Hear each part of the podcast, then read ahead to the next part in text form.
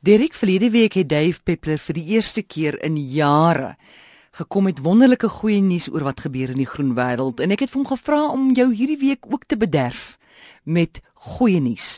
Dave, wat het jy vir ons?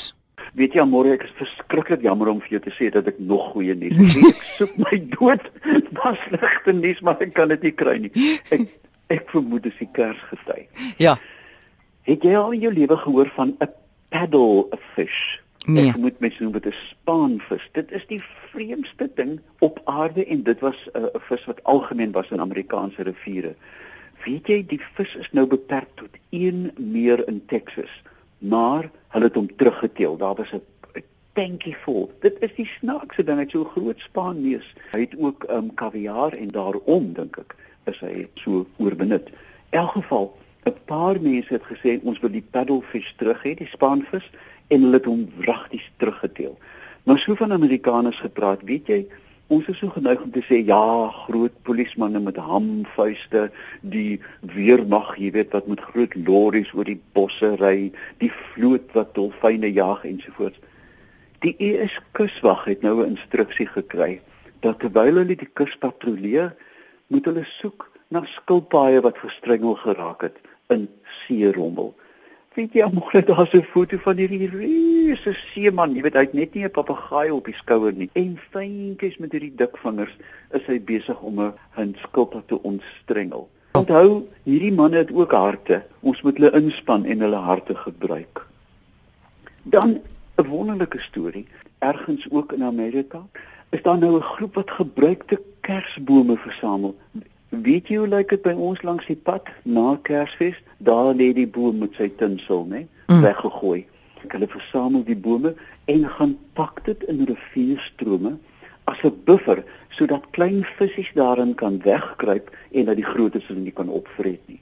Is dit nie 'n oulike idee nie? Ja, nou moet ek net sê hulle gebruik natuurlike kersbome in Amerika, né? Uiteraard nie hierdie plastiek goed Ja. wat ons het nie, Ja. maar tog amore in die groot stedelike gebiede is daar baie uh, natuurlike kersbome. Ek sê natuurlik kappie goed af want hulle is meestal indringerplante. Dis uh, Pinus radiata gewoonlik. Mm. En hoe meer ons kan kap hoe beter. Mag ons altyd natuurlike kersbome gebruik.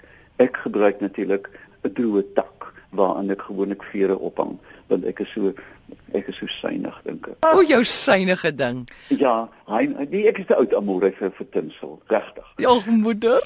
Weet jy, die WWF vir die afgelope 3 jaar in die um, Amazonebekken gaan rondsniffel. Kan jy glo? Hmm. 258 nuwe plante, 84 visspesies, 58 amfibieërs, 22 reptiele, 18 voëls en een aap, 'n spinaap, 'n purring monkey.